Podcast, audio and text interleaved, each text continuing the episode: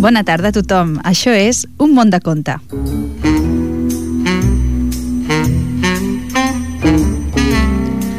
Com cada dimecres, al 91.3 de la FM, a l'emissora municipal, a Ripollet Ràdio.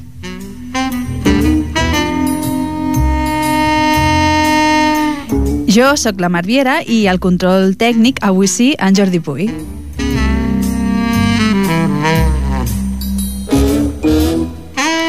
Un altre dimecres i a més a més avui acabem el Carnestoltes perquè com sabreu avui és dimecres de cendre i per tant els diables vindran a recollir el cabraboc que ha estat amb nosaltres al balcó de la ràdio però això serà una miqueta més tard o sigui que us dona temps d'escoltar un món de conte i després de venir a veure els diables a despenjar el cabraboc.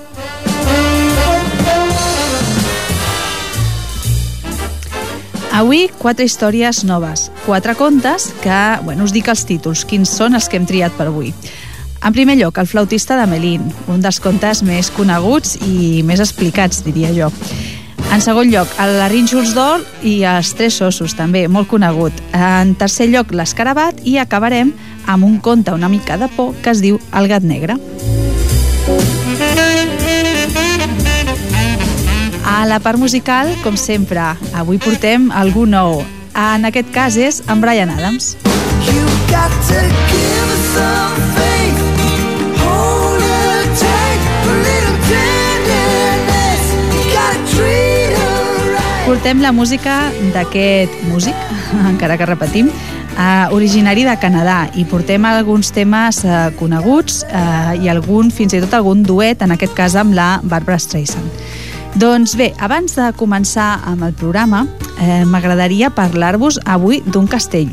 Sabeu doncs, que moltes vegades us explico contes de princeses, de prínceps, de reis, de reines, i aquests doncs, viuen en castells, en castells doncs, que sembla que siguin de fantasia.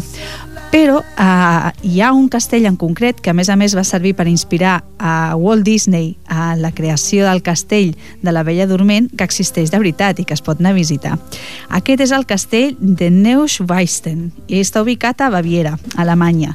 És un palau eh, de contes, no? Eh, més aviat és un palau que no pas un castell, però existeix de veritat.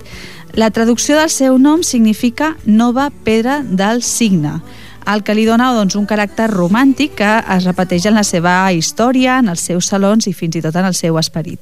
I va ser eh, eh, construït pel rei Lluís II de Baviera a l'any 1866. De fet, la idea de la seva construcció va ser eh, satisfer un caprici del petit mm, del monarca, que desitjava doncs, tenir un castell, igual que el que sortia als contes de fades que li solien llegir quan era petit. Uh, per l'època de la seva construcció ja no era necessari comptar amb fortaleses defensives, però uh, sí que en el disseny es va voler imitar els antics palaus mitjavals.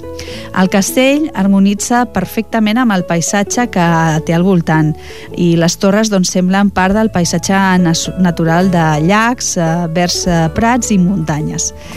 L'edificació va ser realitzada només amb obrers i materials bàvaros, és a dir, de Baviera, i això va ser el que va demanar el rei, i això doncs, va fomentar el desenvolupament d'un dels més grans enclaus industrials d'Alemanya.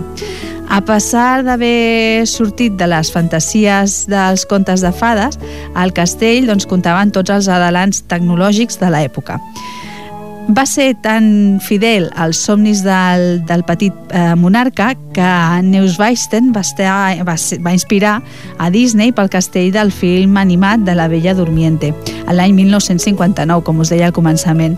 Avui és l'emblema d'Eurodisney i, a més, al seu interior hi han moltes referències a contes, a llegendes i fins i tot als seus personatges. Actualment és propietat de l'estat alemany i és visitat per turistes que van cada any a veure, a veure el castell i els ingressos de les entrades fins i tot han, han arribat a, a la xifra que va, que va representar la seva compra. O sigui que és un negoci que, que funciona bastant bé. Doncs com us deia, és el castell de Neuschwanstein i està ubicat a Baviera, a Alemanya, o sigui que pot ser un destí de vacances poder visitar aquest castell, aquest palau d'un conte de fades.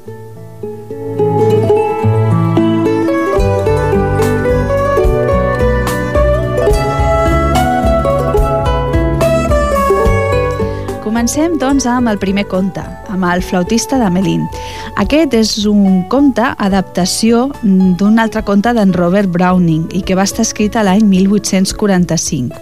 Diu així, hi havia una vegada a Alemanya, fa molt i molt temps, una ciutat anomenada Amelín. Era una ciutat molt bonica, envoltada de sòlides muralles i ben defensada per unes immenses torres rodones. A més a més, era una ciutat molt rica. Gràcies al port construït sobre el riu, els seus mercaders comerciaven amb tota Europa, d'Espanya fins a Rússia i d'Itàlia fins a Anglaterra. Els seus habitants tenien de tot per poder viure feliços. Per això, l'alegria i la pau regnaven a la ciutat. Però un dia, o més ben dit, una nit, va passar-hi una cosa molt estranya.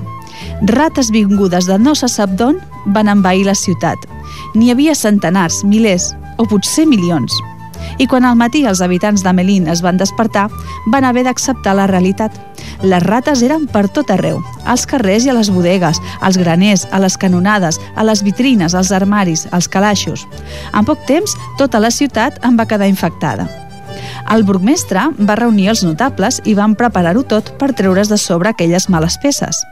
Van omplir tota la ciutat de matarrates i de pinso enverinat. Però no hi va haver res a fer. Al contrari, cada cop hi havia més rates. Un bon dia, un trobador va passar per la porta de la ciutat. Era prim, vestit de verd i duia un serró penjat. Es va presentar a l'Ajuntament i va demanar per parlar amb el burgmestre. Aquest, de moment, se'l va mirar de cua d'ull però quan el jove li va comunicar que ell tot sol podia netejar la ciutat de totes les rates, se'l va mirar d'una altra manera. Què dieu? Ho podeu fer tot sol? Perfectament, però per fer aquesta feina vull cobrar mil escuts d'or.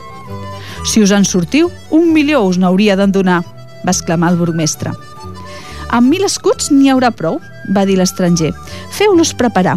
Passaré a buscar-los quan les rates hauran marxat va baixar les escales sota la mirada tònita del burgmestre.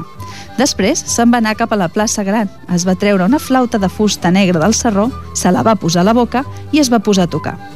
Tot caminant tocava una música estranya, màgica, molt trista. Tan bon punt havia més els primers sons, de tots els racons de la ciutat van sortir centenars de rates que van començar a córrer darrere del flautista. En sortien de tot arreu i s'empenyien per ser tan a prop com podien de l'encantador d'animals el flautista va recórrer tota la ciutat. Va passar per tots els carrers, carrerons i passadissos sense deixar-se'n cap. Finalment, quan totes les rates van ser darrere seu, en una mena de desfilada sense fi, va agafar el camí del riu. A la vora del riu es va aturar, però va continuar tocant la flauta. I llavors les rates es van precipitar dins de l'aigua. Es van ofegar totes i no en va quedar ni una. S'havien acabat les rates a tota la ciutat d'Amelín. Llavors, el músic misteriós va tornar a l'Ajuntament per cobrar les seves peces d'or. Però allí l'esperava una rebuda ben particular. «Què dieu? Mil peces d'or per una musiqueta de no res?» va exclamar el burgmestre. «Però tu ets boig, a l'olla. A tot estirat puc donar 100 escuts i considera't ben pagat. Això no és el que havíem convingut entre nosaltres, va dir el flautista amb molta calma. M'havíeu promès mil escuts. Doncs mira, escolta, en tindràs cent. Ja en tens prou, i ara vés-te'n. Ja que ho voleu així, doncs no vull res més, però us en penedireu. Va girar cua i va sortir de l'Ajuntament. Un cop al carrer va agafar la flauta i va començar a tocar una tonada alegre. I aquest cop Ai, aquest cop van ser tots els nens i nenes de la vila de Melín que el van seguir pels carrers i carrerons. Els petits, els grans, els mitjans. Sortien de tot arreu i s'afegien a la desfilada. I res ni ningú no els podia aturar. Llavors, el flautista va deixar la ciutat i tots els nens i nenes el van seguir. Van caminar molt de temps darrere el jove, que no parava de tocar. Aviat, tota aquella tropa només va ser un puntet a l'horitzó i de seguida aquell puntet va desaparèixer. Mai més ningú no va tornar a veure els nens i nenes d'Amelín. Expliquen que el flautista se'ls va endur cap a un país desconegut, llunyà, més enllà de les muntanyes, però mai ningú no ho ha pogut provar. Pel que fa a la ciutat d'Amelín, es va tancar dins les seves muralles massisses i les immenses torres rodones per plorar els seus nens i nenes perduts.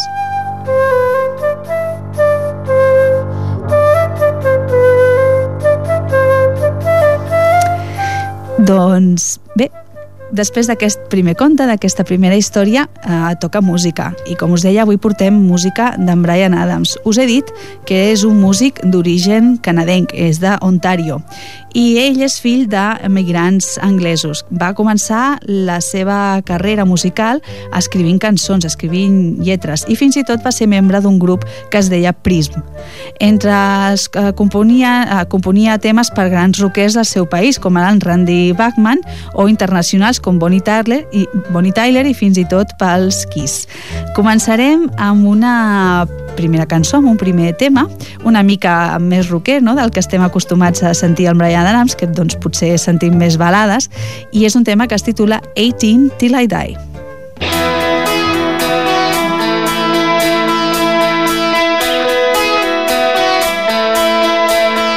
Wanna be young the rest of my life Never say no, try anything twice Till the angels come and ask me to fly. Gonna be 18 till I die. 18 till I die.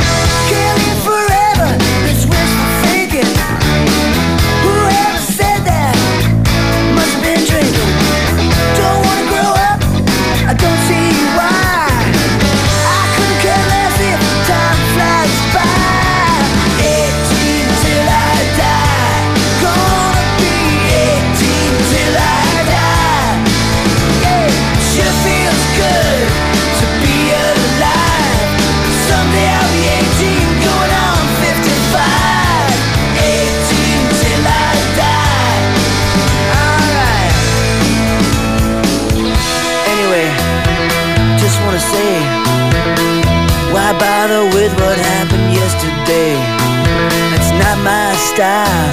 I live for the minute. If you wanna stay young,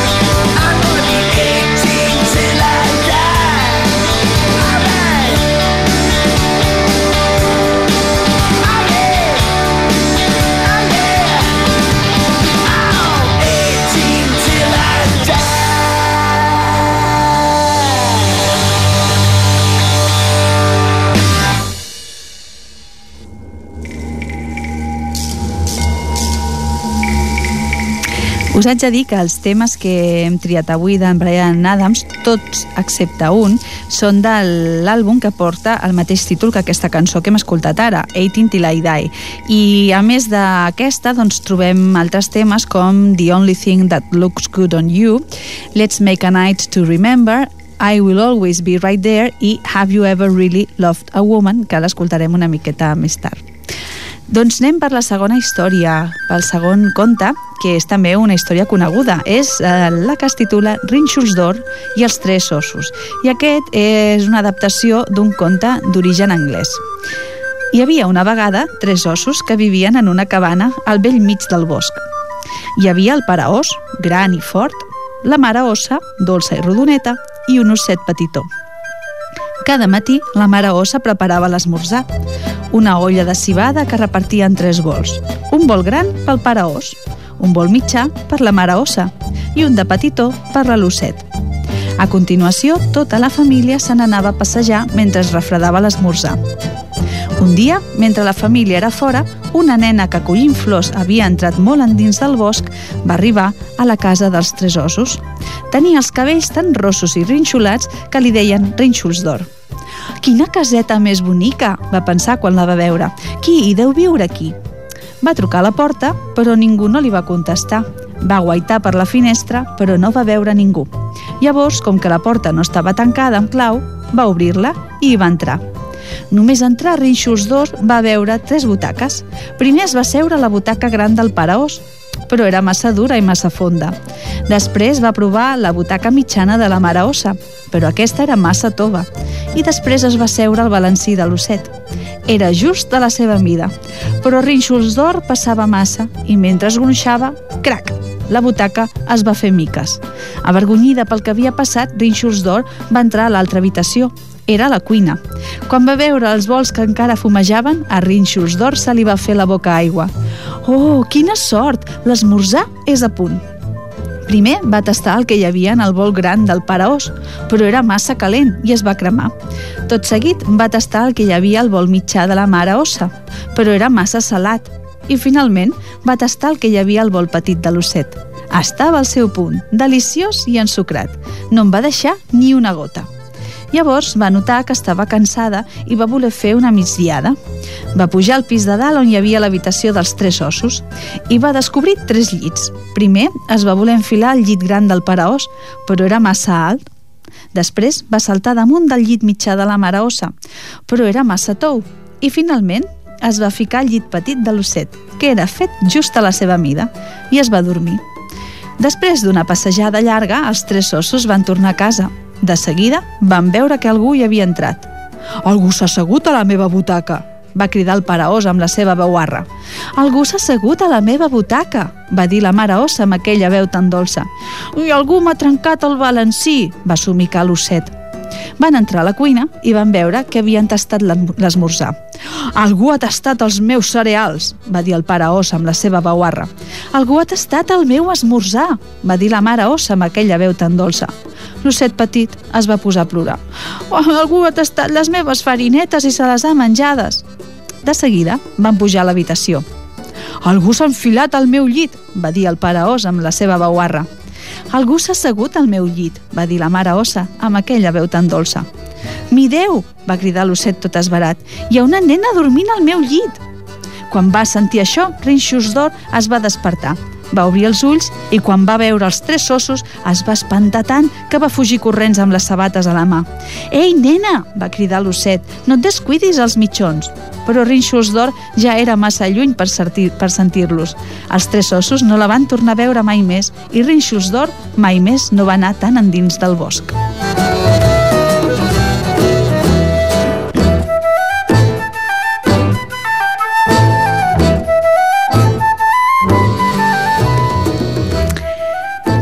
1991, en Brian Adams, que és l'artista que portem avui, doncs va publicar el tema Everything I Do, I Do It For You, que va ser incorporat com a tema principal de la banda sonora d'una pel·lícula doncs, molt coneguda, Robin Hood, Príncipe de los Ladrones. Amb aquest tema, Brian Adams va aconseguir un enorme èxit i, a més a més, va ser nominat als Oscars. Bueno, com us deia, les cançons que hem extret és d'un altre àlbum, d'un àlbum que es titula 18 Till I Die, i ara doncs, continuem amb un altre tema d'aquest mateix àlbum, i és un que es diu It Ain't a Party If You Can't Come Round.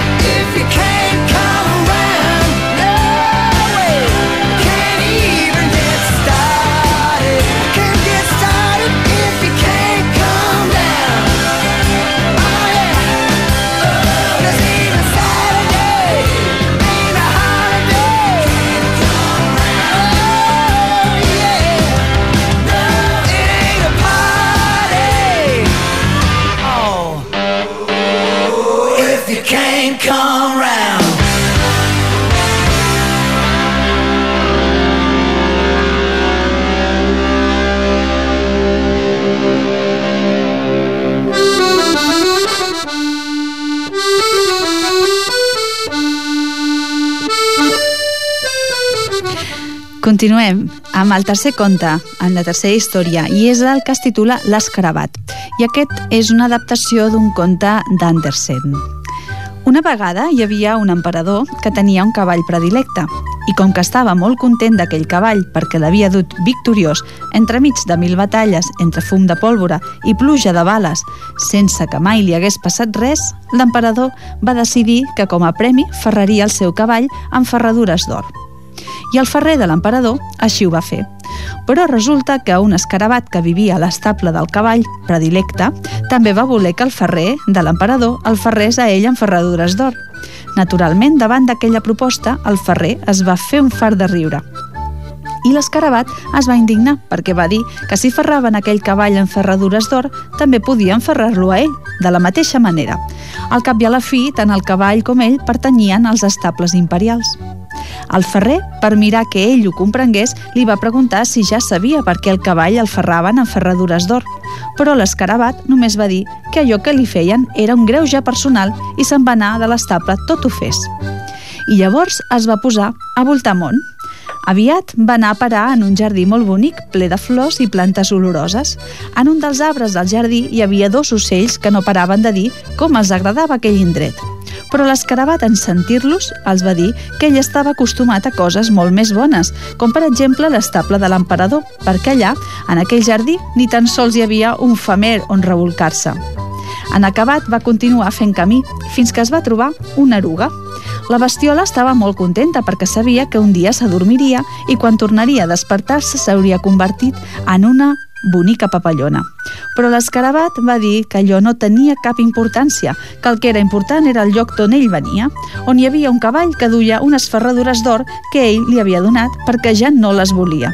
En fi, que veient que amb aquella eruga no s'hi podia entendre, va decidir volar fins a una prada que hi havia més enllà. Tot d'una es va ennuvolar i va caure un gran xàfec, i l'aigua se l'enduia torrent avall, fins que va poder sortir de l'aigua i es va protegir amagant-se en la vora d'un llençol que hi havia estès.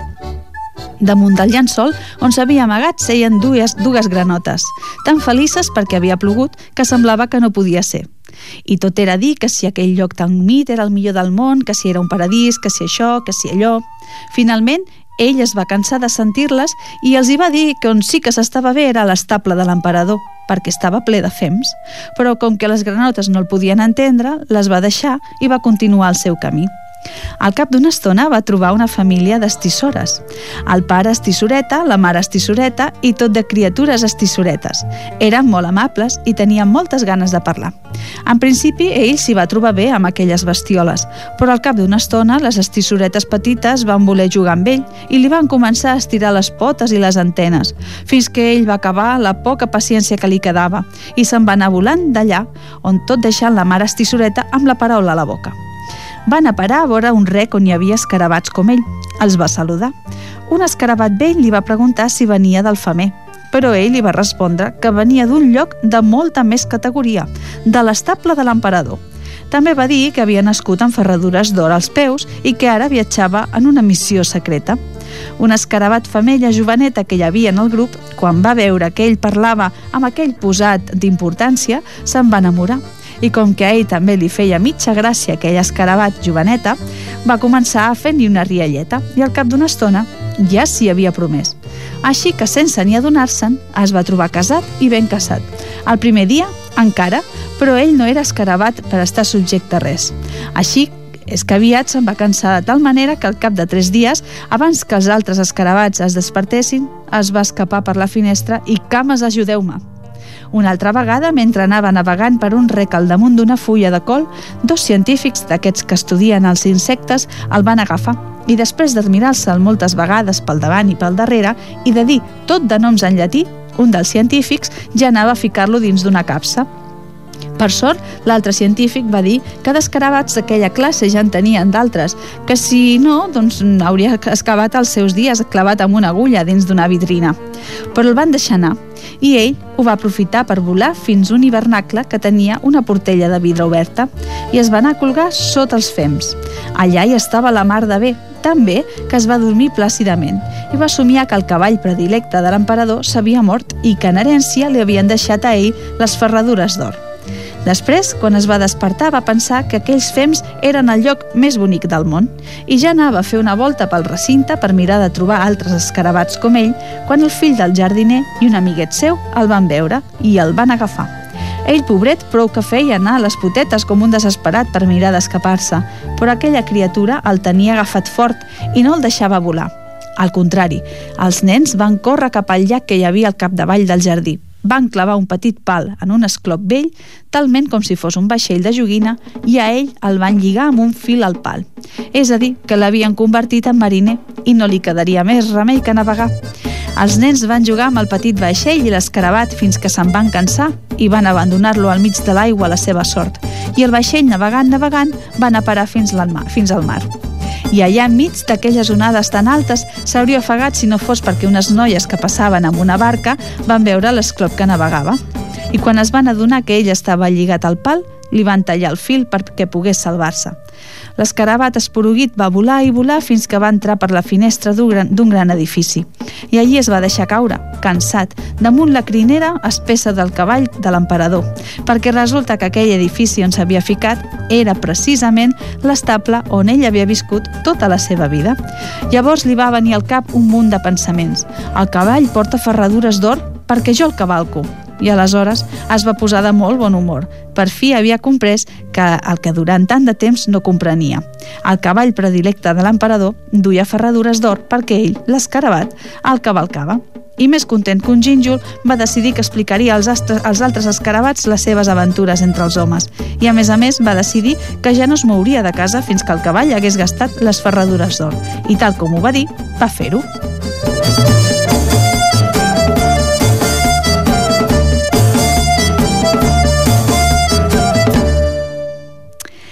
L'any 1996, en Brian Adams va publicar el tema Have You Ever Really Loved a Woman? Això ho va fer al costat del guitarrista espanyol Paco de Lucía i és un tema que es va convertir en la banda sonora de la pel·lícula Don Juan de Marco. Doncs bé, ara és aquest el tema que escoltarem. Have You Ever Really Loved a Woman? To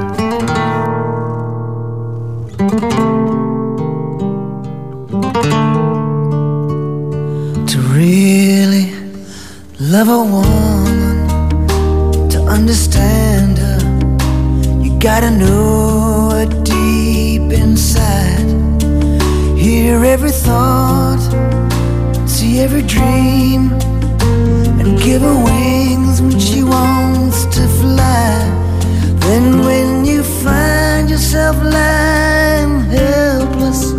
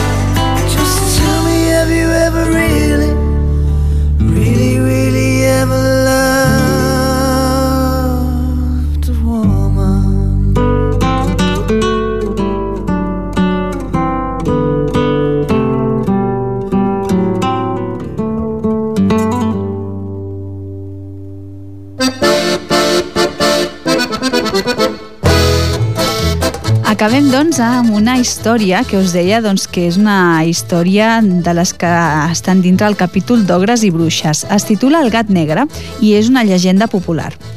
Vet aquí que una vegada hi havia en un poblet del Pirineu un pagès jove i eixerit que es deia Vicenç i que havia decidit casar-se amb una pageseta jove i formosa d'una masia veïna que es deia Francesca. La noia també estava molt il·lusionada amb el futur casori. També estava Eh, perdó, resulta, però, que aquesta noia tenia una germana bastant dolenta que li tenia gelos perquè a ella també li agradava el xicot de sa germana, fins que va arribar el dia del casament i tot va anar molt bé però al cap d'uns dies la germana va començar a fer la vida impossible a la Francesca. I tant i tant els empipava perquè li feia ràbia de la seva felicitat que el Vicenç i la Francesca van decidir marxar a un altre poble, on si no haurien acabat molt malament de tantes barrabassades que els feia. Passaven les setmanes, però les coses no els anaven gaire bé. Semblava que els perseguís la malastrugança. Tan aviat pedregava sobre la collita com perdien part del ramat per les muntanyes. Una nit el marit va arribar cansat de treball al camp i se n'anà de seguida a dormir i la dona es quedà a filar al costat del foc. Al cap d'una estona, però, a la finestra va veure dues llumetes resplendents. S'hi va fixar més bé i va veure-hi un enorme gat negre que la mirava fixament. La pobra dona quedà neguitejada per aquella bèstia i per això se'n va anar a dormir de seguida. L'endemà, el mateix, el gat negre que s'apareix darrere la finestra i mira fixament la Francesca, que començava a estar esfereïda. La Francesca ho va explicar al Vicenç, però aquest no li en va fer cap cas. Tens por d'un gat? I ara, com és això? La Francesca, però, insistí tant i tant que al final l'home decidí de veure què passava. Es va vestir amb roba de la seva dona, va posar al foc una paella plena d'oli i es va posar a filar, tot esperant que aparegués el gat. L'enorme gat negre va aparèixer al mitjanit i va posar-se a mirar fixament el Vicenç. Al cap d'una estona, i en to de mofa, li va dir «Com és que ets un home i vas vestit de dona i files?» I en Vicent va respondre «I tu, com és que parles si ets un gat?» El gat va veure descobert i ja anava a recular quan va rebre sobre tot l'oli bullent que hi havia a la paella, que en Vicenç li acabava de llançar al damunt.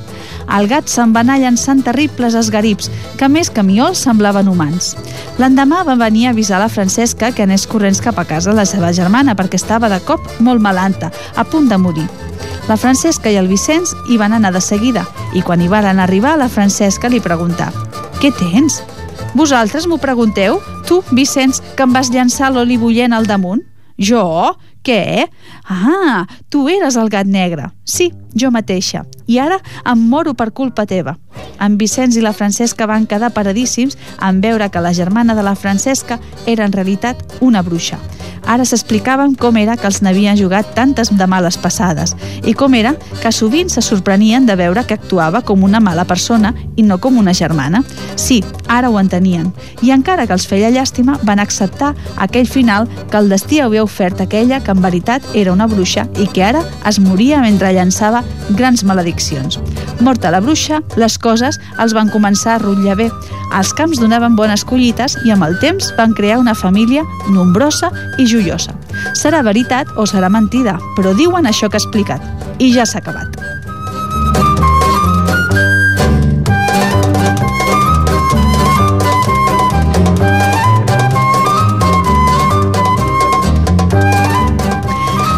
Brian Adams, com us deia al començament, doncs també va col·laborar amb la Barbara Streisand fent un duet a la canció en la cançó I Finally Found Someone, escollida per la pel·lícula The Mirror Has Two Faces, El espejo tiene dos caras, que li va valdre la seva tercera nominació als Oscar.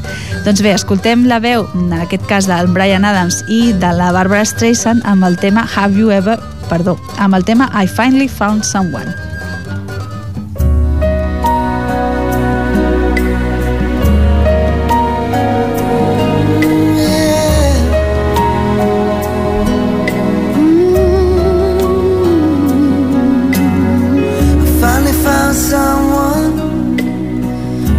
me off my feet. I finally found the one that makes me feel complete. It started over coffee. We started out as friends. It's funny how from simple things the best things begin. This time is different. It's all because of you better than it's ever been. Cause we can talk it through. My favorite line was Can I call you sometime? It's all you had to say to take my breath away.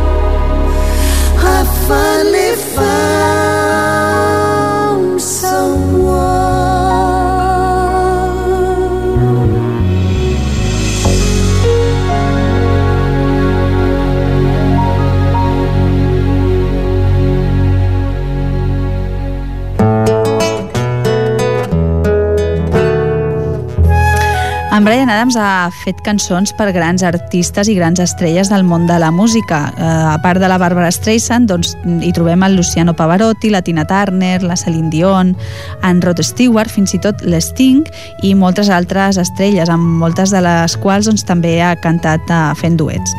Doncs bé, hem acabat el programa d'avui. Uh, us esperem el dimecres vinent, com sabeu. Gràcies, Jordi, pel teu suport al, al tema del, del so.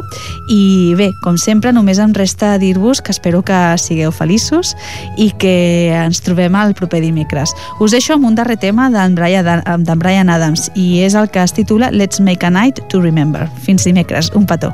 I